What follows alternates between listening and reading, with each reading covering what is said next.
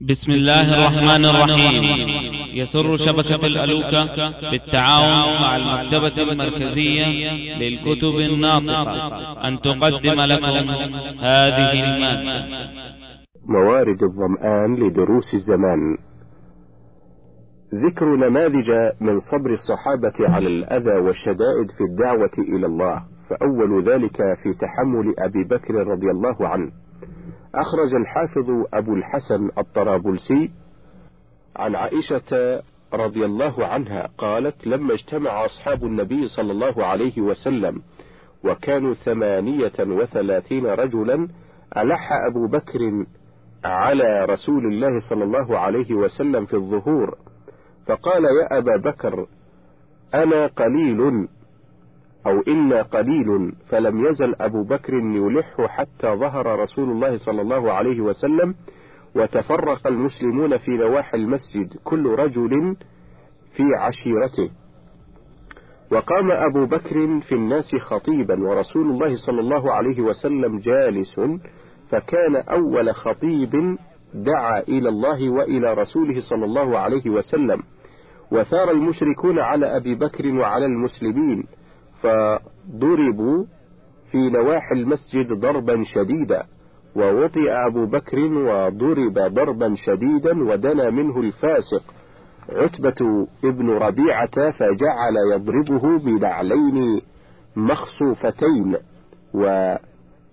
ويحرفهما لوجهه ونزى على بطن أبي بكر حتى ما يعرف وجهه من أنفه. وجاء بنو تميم يتعادون فأجلت المشركين عن أبي بكر وحملت بنو تميم أبا بكر في ثوب في ثوب حتى أدخلوه منزله ولا يشكون في موته. ثم رجعت بنو تميم فدخلوا المسجد. وقالوا والله لئن مات أبو بكر لنقتلن عتبة بن ربيعة. فرجعوا إلى أبي بكر فجعل أبو قحافة وبنو تميم يكلمون أبا بكر حتى أجاب فتكلم آخر النهار فقال ما فعل رسول الله صلى الله عليه وسلم؟ فمسوا منه بألسنتهم. فقال ما فعل رسول الله صلى الله عليه وسلم؟ فمسوا منه بألسنتهم وعدلوه ثم قاموا وقالوا لأمه أم الخير؟ انظري أن تطعميه شيئا أو تسقيه إياه. فلما خلت به ألحت عليه وجعل يقول ما فعل رسول الله صلى الله عليه وسلم فقالت ما لي علم بصاحبك؟ فقال اذهبي إلى أم جميل بنت الخطاب فاسأليها. فخرجت حتى جاءت أم جميل فقالت إن, أبي أن أبا بكر يسألك عن محمد بن عبد الله.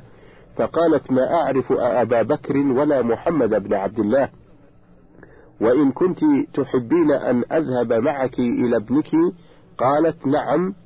فمضت معها حتى وجدت, وجدت أبا بكر صريعا دنفا. فدنت أم جميل وأعلنت بالصياح. وقالت والله إن قوما نالوا هذا منك لأهل فسق وكفر. وإني لأرجو أن ينتقم الله لك منهم. قال فما فعل رسول الله صلى الله عليه وسلم؟ قالت هذه أمك تسمع. قال فلا شيء عليك منها. قالت سالم صالح. قال أين هو؟ قالت في دار ابن الأرقم. قال فإن لله علي ألا أذوق طعاما ولا أشرب شرابا ولا أشرب شرابا حتى آتي برسول الله صلى الله عليه وسلم فأمهلنا حتى فأمهلنا حتى إذا هدأت الرجل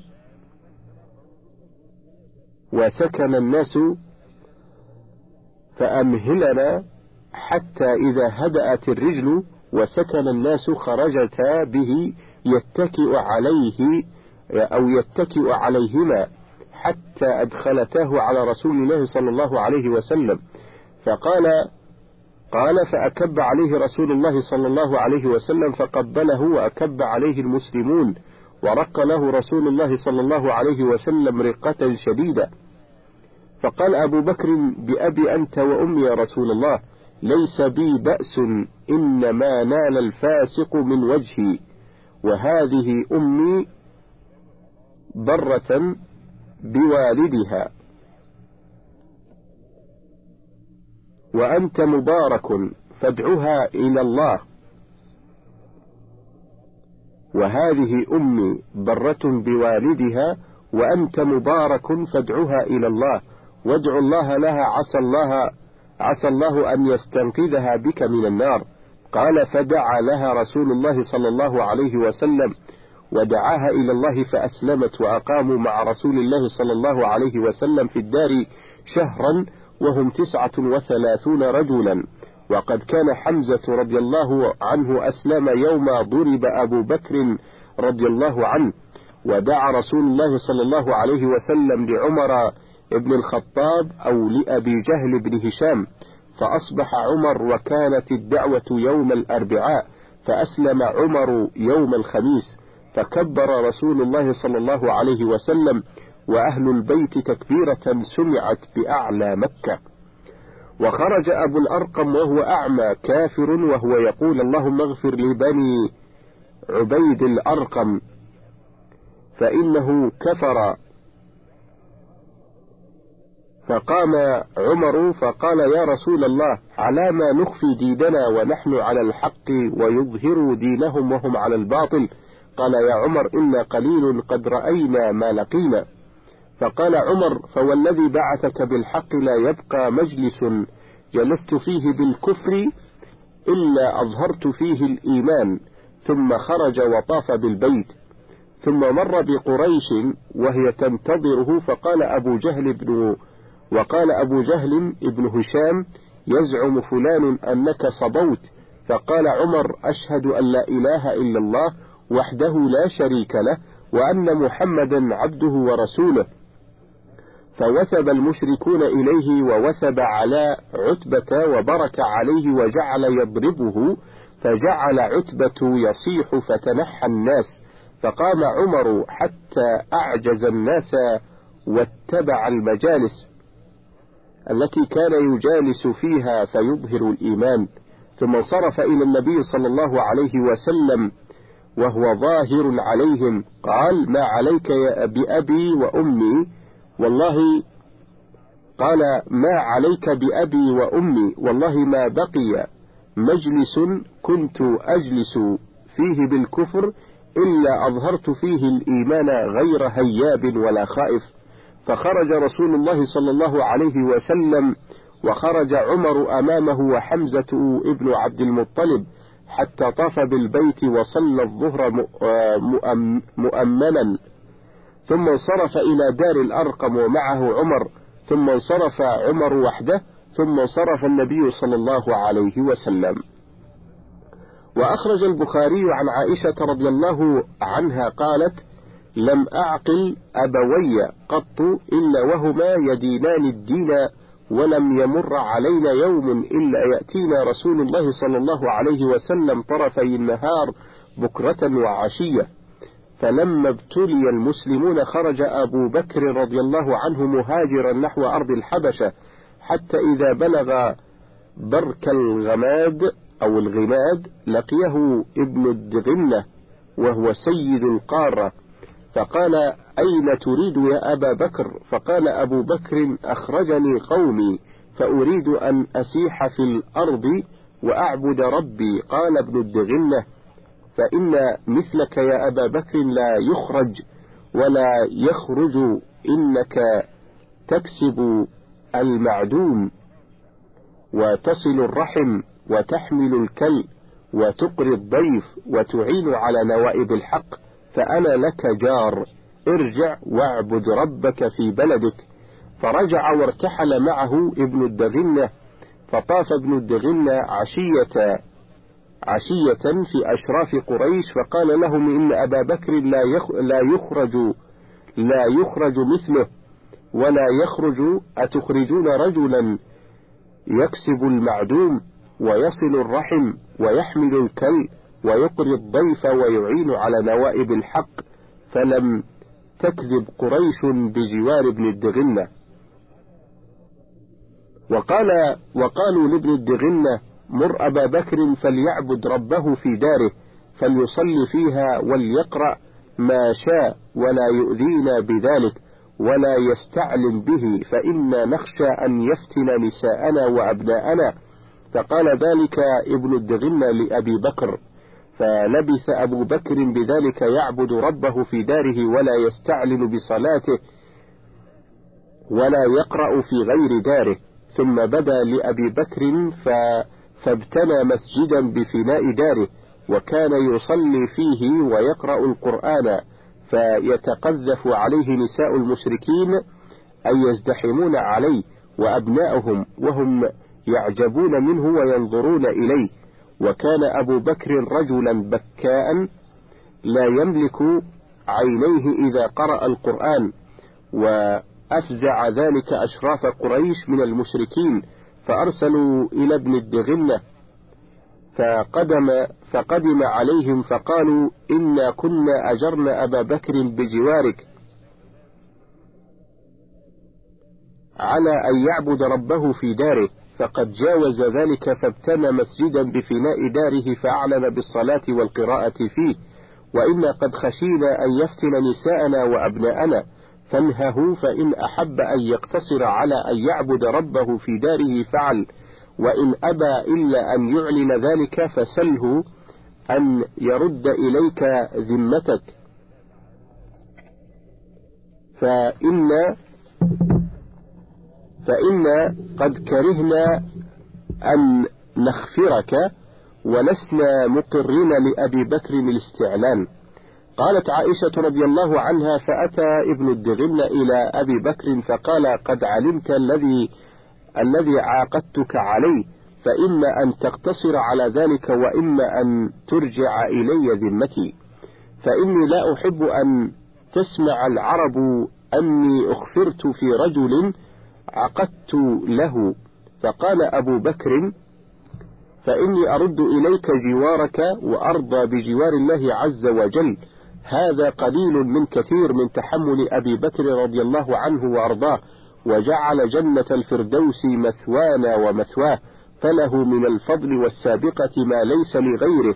ولقد قدمه المصطفى صلى الله عليه وسلم على جميع أصحابه على جميع الصحابة. قال في النونية ما قال الرسول صلى الله عليه وسلم لأبي بكر ويقول في مرض الوفاة يومكم عني أبو بكر بلا روغان ويظل يمنع في إمامة غيره ويظل يمنع من إمامة غيره حتى يرى في صورة ميلان. حتى يرى في صورة ميلان ويقول لو كنت الخليل لواحد في الناس كان هو الخليل الداني. لكنه الأخ والرفيق وصاحبي وله علينا منة الإحسان. ويقول ويقول للصديق يوم الغار لا تحزن فنحن ثلاثة لا اثنان. فنحن ثلاثة لا اثنان.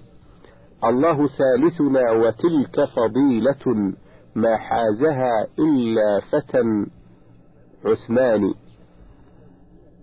اللهم سلمنا من شرور أنفسنا التي هي أقرب أعدائنا وأعذنا من عدوك وأعصمنا من الهوى ومن فتنة الدنيا ومكن محبتك في قلوبنا وقوها وألهمنا ذكرك وشكرك وفرح قلوبنا بالنظر إلى وجهك الكريم في جنات النعيم واغفر لنا ولوالدينا وجميع المسلمين برحمتك يا أرحم الراحمين وصلى الله على محمد وعلى آله وصحبه أجمعين. فصل أخرج ابن إسحاق عن ابن عمر رضي الله عنهما قال لما أسلم عمر بن الخطاب رضي الله عنه قال أي قريش أنقل للحديث؟ قال أي قريش أنقل للحديث؟ فقيل له جميل بن معمر. فغدا عليه قال عبد الله وغدوت أتبع أثره وأنظر وأنظر ما يفعل وأنا غلام أعقل كل ما رأيت حتى جاءه فقال أعلمت يا جميل أني قد أسلمت ودخلت في دين محمد صلى الله عليه وسلم قال فوالله ما راجعه حتى قام يجر رداءه واتبعه عمر واتبعته أنا حتى قام على باب المسجد وصرخ بأعلى صوته يا معشر قريش وهم في أنديتهم حول الكعبة. إلا إن ابن الخطاب قد ألا إن ابن الخطاب قد صبى قال يقول عمر من خلفه كذب ولكني قد أسلمت وشهدت أن لا إله إلا الله وأن محمد رسول الله وثاروا إليه فلم فما برح يقاتلونه حتى قامت الشمس على رؤوسهم. قال وطلح أي أعيا فقعد وقاموا على رأسه وهو يقول افعلوا ما بدا لكم فأحلف بالله أن لو قد كنا ثلاثمائة ثلاثمائة رجل لقد تركناها لكم أو تركتموها لنا.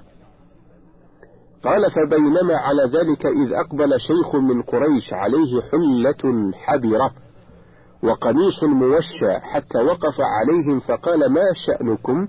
فقالوا صبأ عمر. قال فمه. رجل اختار لنفسه أمرا فماذا تريدون؟ أترون بني عدي؟ يسلمون لكم صاحبهم هكذا خلوا عن الرجل. قال فوالله لكأنما كانوا ثوبا كشط أي كشف عنه. قال فقلت لأبي بعد أن هاجروا إلى المدينة يا أبت من الرجل الذي زجر القوم عنك بمكة يوم أسلمت وهم يقاتلونك؟ قال وذاك أي بنو العاص ابن وائل. قال وذاك أي آه، بني العاص ابن وائل السهمي. وهذا إسناده جيد قوي. أخرج ابن سعيد عن محمد بن إبراهيم التيمي قال لما أسلم عثمان بن عفان قال لما أسلم عثمان بن عفان رضي الله عنه أخذه عمه الحكم بن أبي العاص بن أمية فأوثقه رباطا.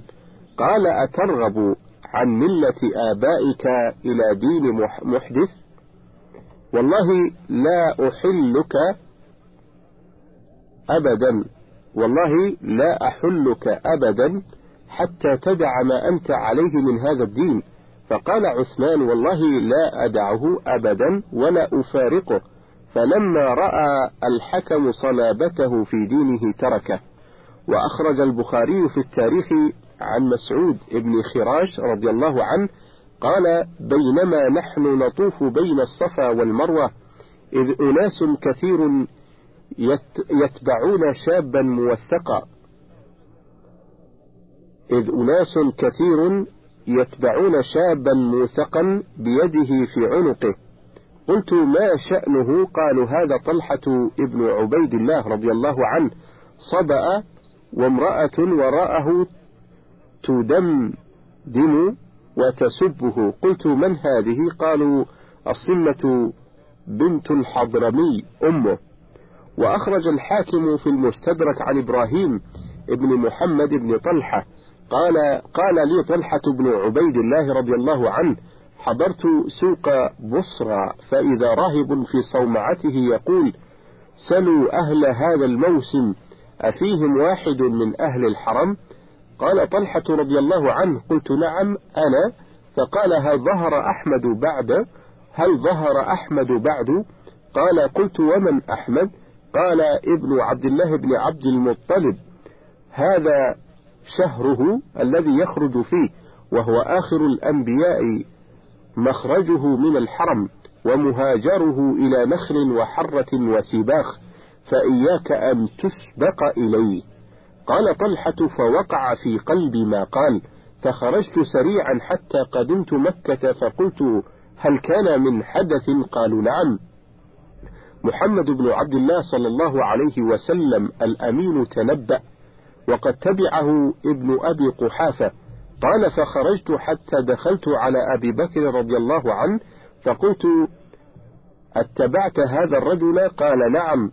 فانطلق فادخل عليه فاتبعه فإنه يدعو إلى الحق فأخبره طلحة بما قال الراهب فخرج أبو بكر بطلحة فدخل به على رسول الله صلى الله عليه وسلم فأسلم طلحة وأخبر رسول الله صلى الله عليه وسلم بما قال الراهب فسر رسول الله صلى الله عليه وسلم فلما أسلم أبو بكر وطلحة أخذهما نوفل ابن خويلد ابن العدوية فشدهما في حبل واحد ولم يمنعهما بنو تميم. وكان نوفل ابن خويلد يدعى أسد قريش فلذلك سمي أبو بكر وطلحة قرينين. فذكر الحديث وأخرجه البيهقي وفي حديثه وقال النبي صلى الله عليه وسلم اللهم اكفنا شر بني العدوية.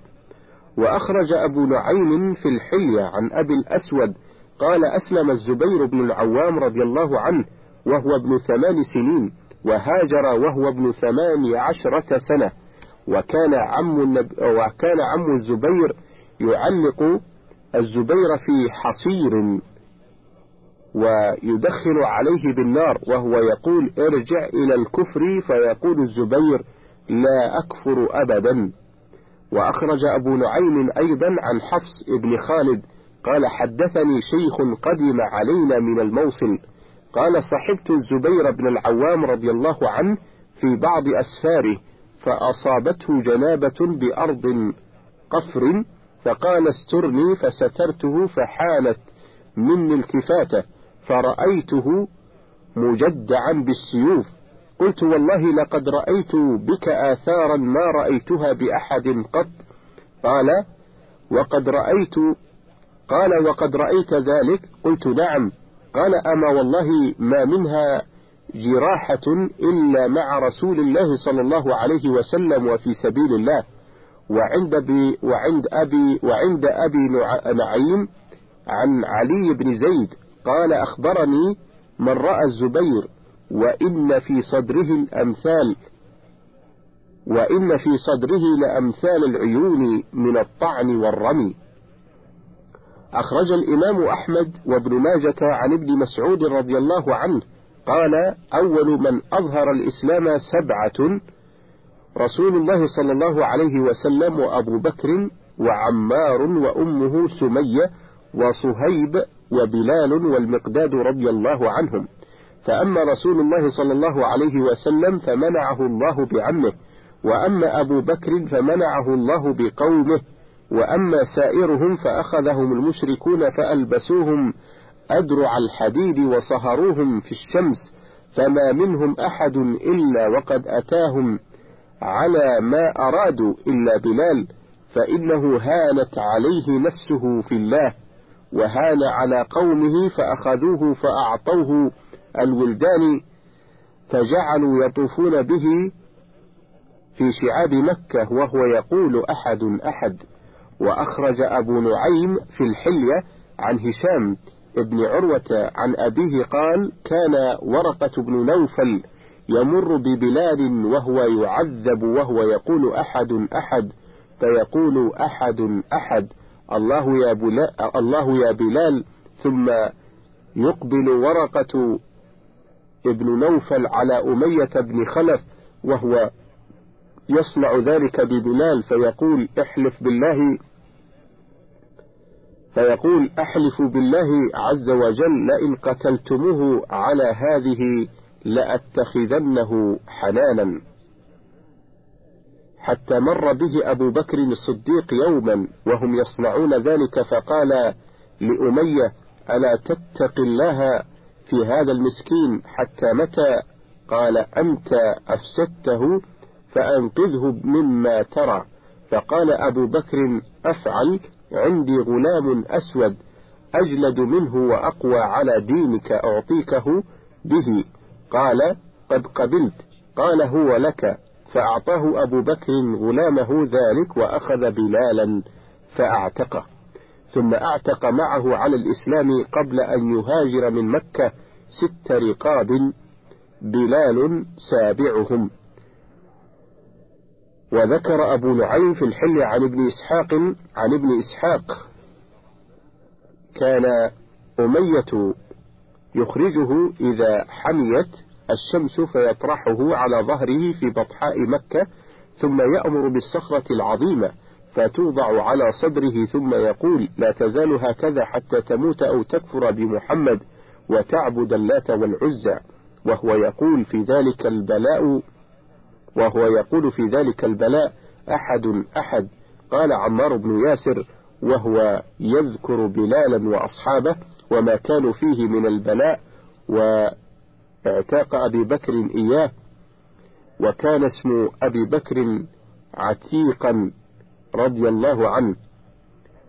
جزى الله خيرا عن بلال وصحبه عتيقا وأخزى فاكها وأبا جهل. عشية هم وعشية هم في بلال بسوءة عشية هم في بلال بسوءة ولم يحذر ما يحذر المرء ذو عقل بتوحيده رب الأنام وقوله. ولم يحذر ما يحذر المرء ذو عقل فإن يقتلوني يقتلوني فلم أكن لأشرك بالرحمن من خيفة القتل. فيا رب فيا رب إبراهيم والعبد يونس فيا رب إبراهيم والعبد يونس. وموسى وعيسى نجني ثم لا تبلي لمن ظل يهوى الغي من آل غالب على غير بركان.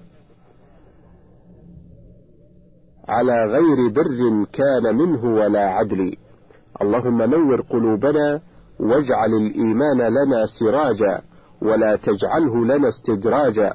واجعله لنا سلما إلى جنتك ولا تجعله لنا مكرا من مشيئتك. إنك أنت الحليم الغفور والشكور برحمتك. يا أرحم الراحمين وصلى الله على محمد وعلى آله وصحبه أجمعين. فصل. أخرج الطبراني والحاكم والبيهقي وابن عساكر عن جابر رضي الله عنه أن رسول الله صلى الله عليه وسلم مر بعمار وأهله وهم يعذبون فقال أبشروا آل عمار وآل ياسر فإن موعدكم الجنة. قال الهيثمي رجال الطبراني رجال الصحيح غير إبراهيم ابن عبد العزيز المقوم وهو ثقة. وأخرج أبو أحمد الحاكم عن عبد الله بن جعفر رضي الله عنهما قال مر رسول الله صلى الله عليه وسلم بياسر وعمار وأم عمار وهم يؤذون في الله تعالى فقال لهم صبرا آل ياسر صبرا آل ياسر فإن موعدكم الجنة. رواه ابن الكلبي عن ابن عباس رضي الله عنهما نحوه وزاد وعبد الله بن ياسر وزاد وطعن أبو جهل سبية في قبلها فماتت ومات ياسر في العذاب ورمي عبد الله فسقط.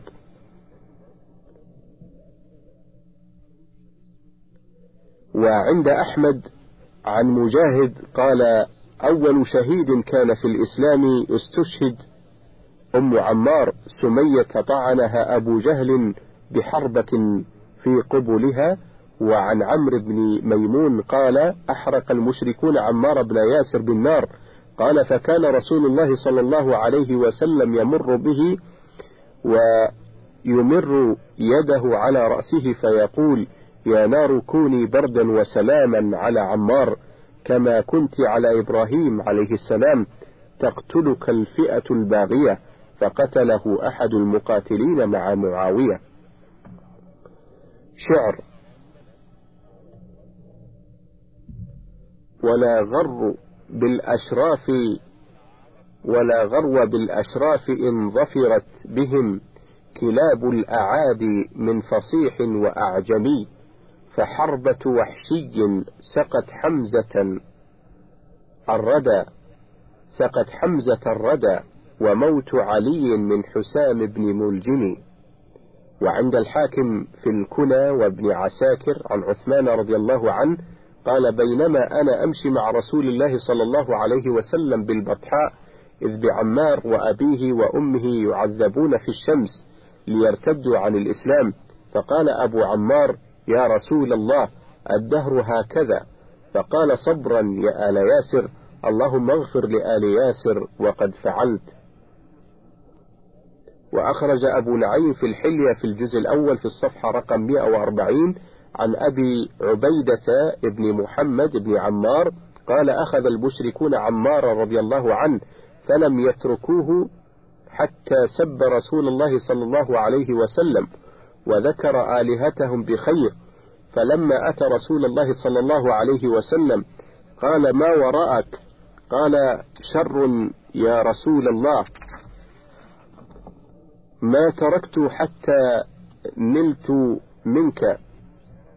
وذكرت آلهتهم بخير. فقال رسول الله صلى الله عليه وسلم فكيف تجد قلبك؟ قال أجد قلبي مطمئن بالإيمان. قال فإن عادوا فعد. وأخرج ابن سعد عن أبي عبيدة نحوه. أخرج ابن سعد عن الشعبي قال دخل خباب بن الأرت رضي الله عنه على عمر بن الخطاب رضي الله عنه فأجلسه على متكئه فقال ما على الأرض أحد أحق بهذا المجلس من هذا إلا رجل واحد؟ قال له خباب من هو يا أمير المؤمنين؟ قال بلال. فقال خباب ما هو أحق مني؟ إن بلالا كان له في المشركين من يمنعه الله به ولم يكن لي أحد يمنعني فلقد رأيتني يوما أخذوني فأوقدوا لي نارا ثم سلقوني فيها ثم وضع رجل رجله على صدري فما اتقيت الأرض أو قال برد الأرض إلا بظهري ثم كشف عن ظهره فإذا هو قد برص أي من أثر التعذيب بالنار.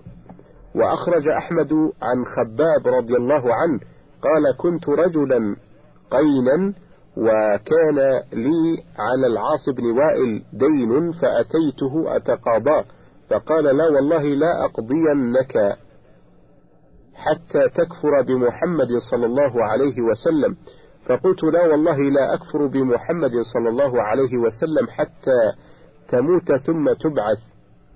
قال فإني إذا مت ثم جئتني ولي ثم مال.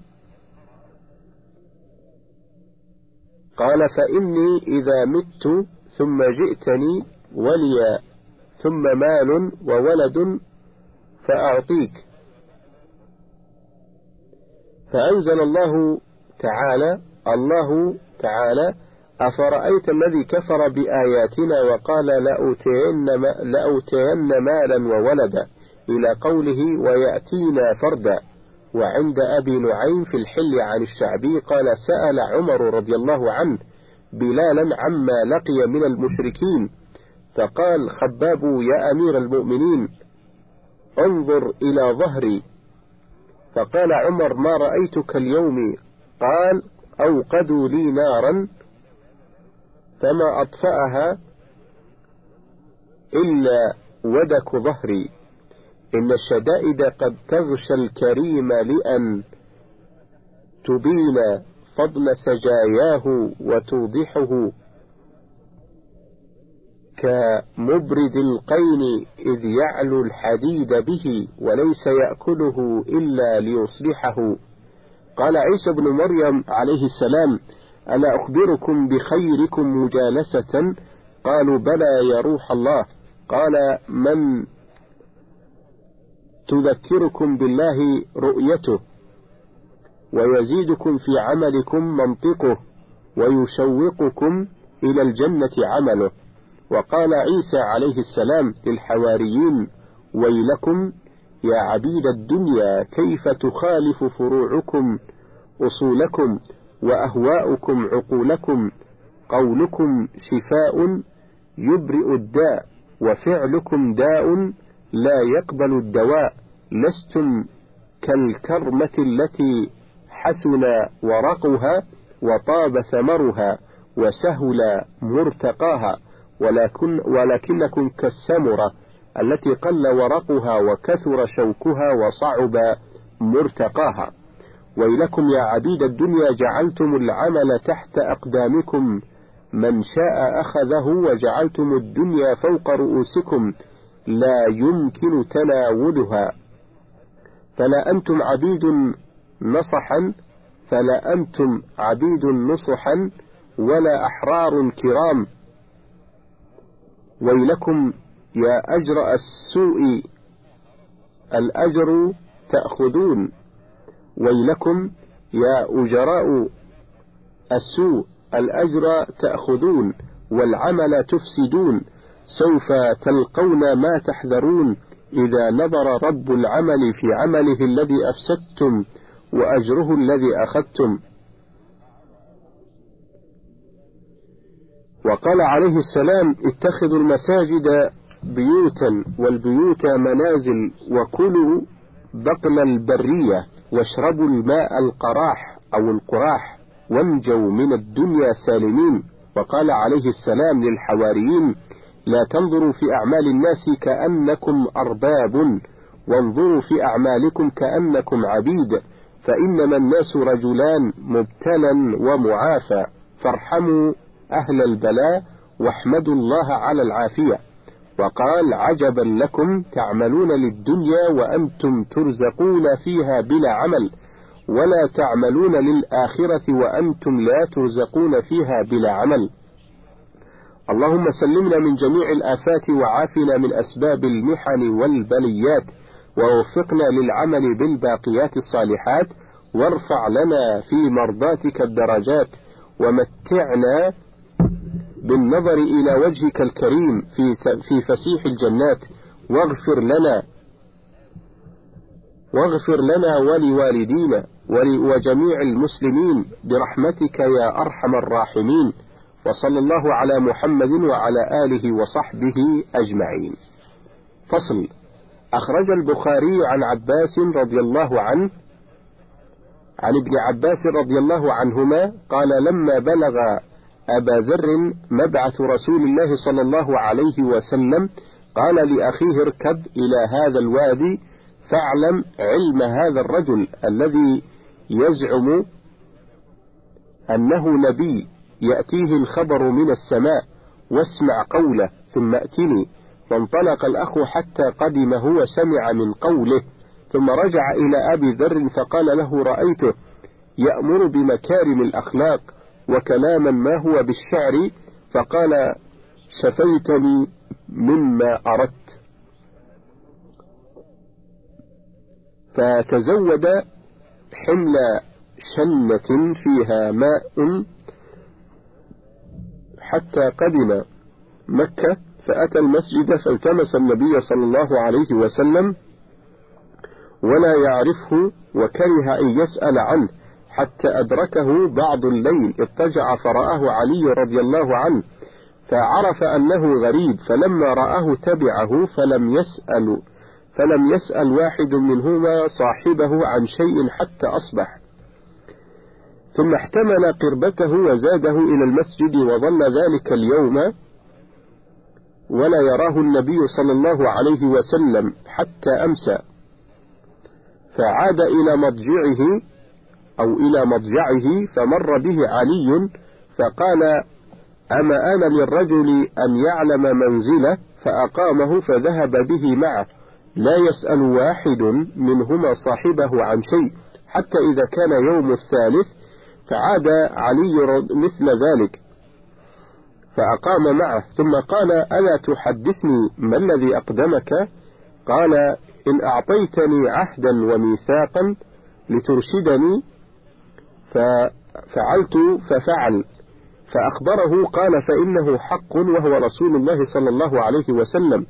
فإذا أصبحت فاتبعني فإني إن رأيت شيئا أخاف عليك قمت كأني أريق الماء فإن مضيت فاتبعني أو فاتبعني حتى تدخل مدخلي ففعل. فانطلق يقفوه حتى دخل على النبي صلى الله عليه وسلم ودخل معه فسمع من قوله وأسلم مكانه. فقال له النبي صلى الله عليه وسلم ارجع إلى قومك فأخبرهم حتى يأتيك أمري. قال والذي نفسي بيده لأصرخن بها بين ظهرانيهم فخرج حتى أتى المسجد فنادى بأعلى صوته أشهد أن لا إله إلا الله وأن محمد رسول الله ثم قام القوم فضربوه حتى أضجعوه. وأتى العباس فأكب عليه فقال ويلكم ألستم تعلمون أنه من غفار؟ وأن طريق تجارتكم إلى الشام؟ وأن طريق تجارتكم إلى الشام؟ فأنقذه منهم. ثم عاد من الغد بمثلها فضربوه وثاروا إليه فأكب العباس عليه. وعند البخاري أيضا من حديث ابن عباس رضي الله عنهما فقال يا معشر قريش إني أشهد أن لا إله إلا الله وأشهد أن محمدا عبده ورسوله. فقال قوموا إلى هذا الصابئ. فقاموا فضربت فضربت لأموت.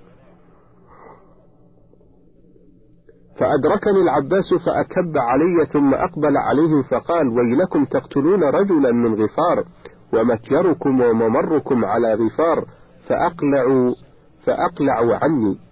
فلما أن أصبحت الغدا رجعت فقلت مثل ما قلت بالأمس فقالوا قوموا إلى هذا الصابئ فصنع بي مثل ما صنع بالأمس فأدركني العباس فأكب علي وقال مثل ما قالته بالأمس. طالع تواريخ من في الدهر قد وجدوا تجد خطوبا تسلي عنك ما تجد تجد أكابرهم قد جرعوا غصصا من الرزايا بها قد فتنت.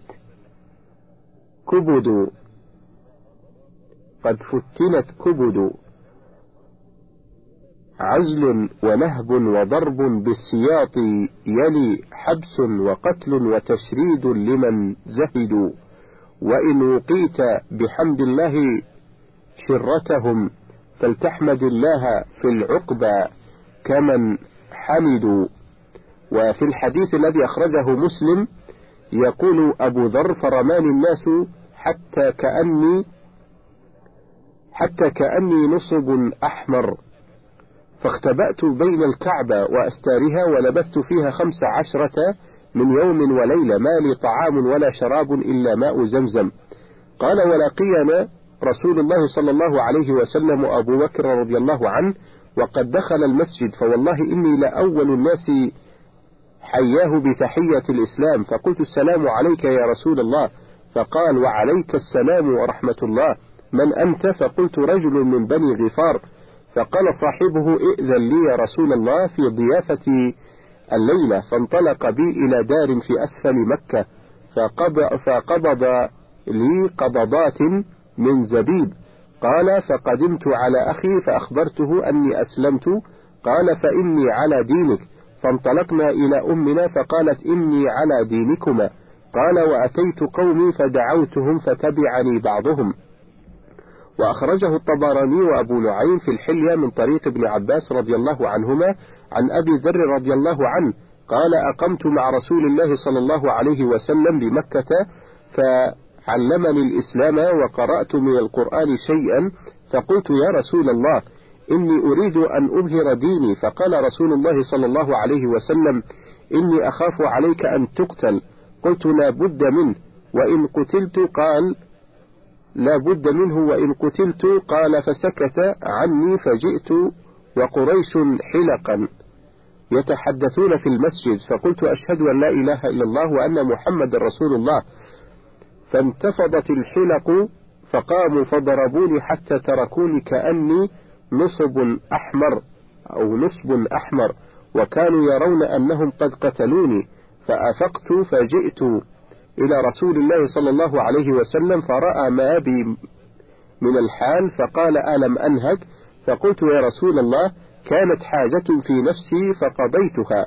فأقمت مع رسول الله صلى الله عليه وسلم فقال الحق بقومك فإذا بلغك ظهوري فأتني.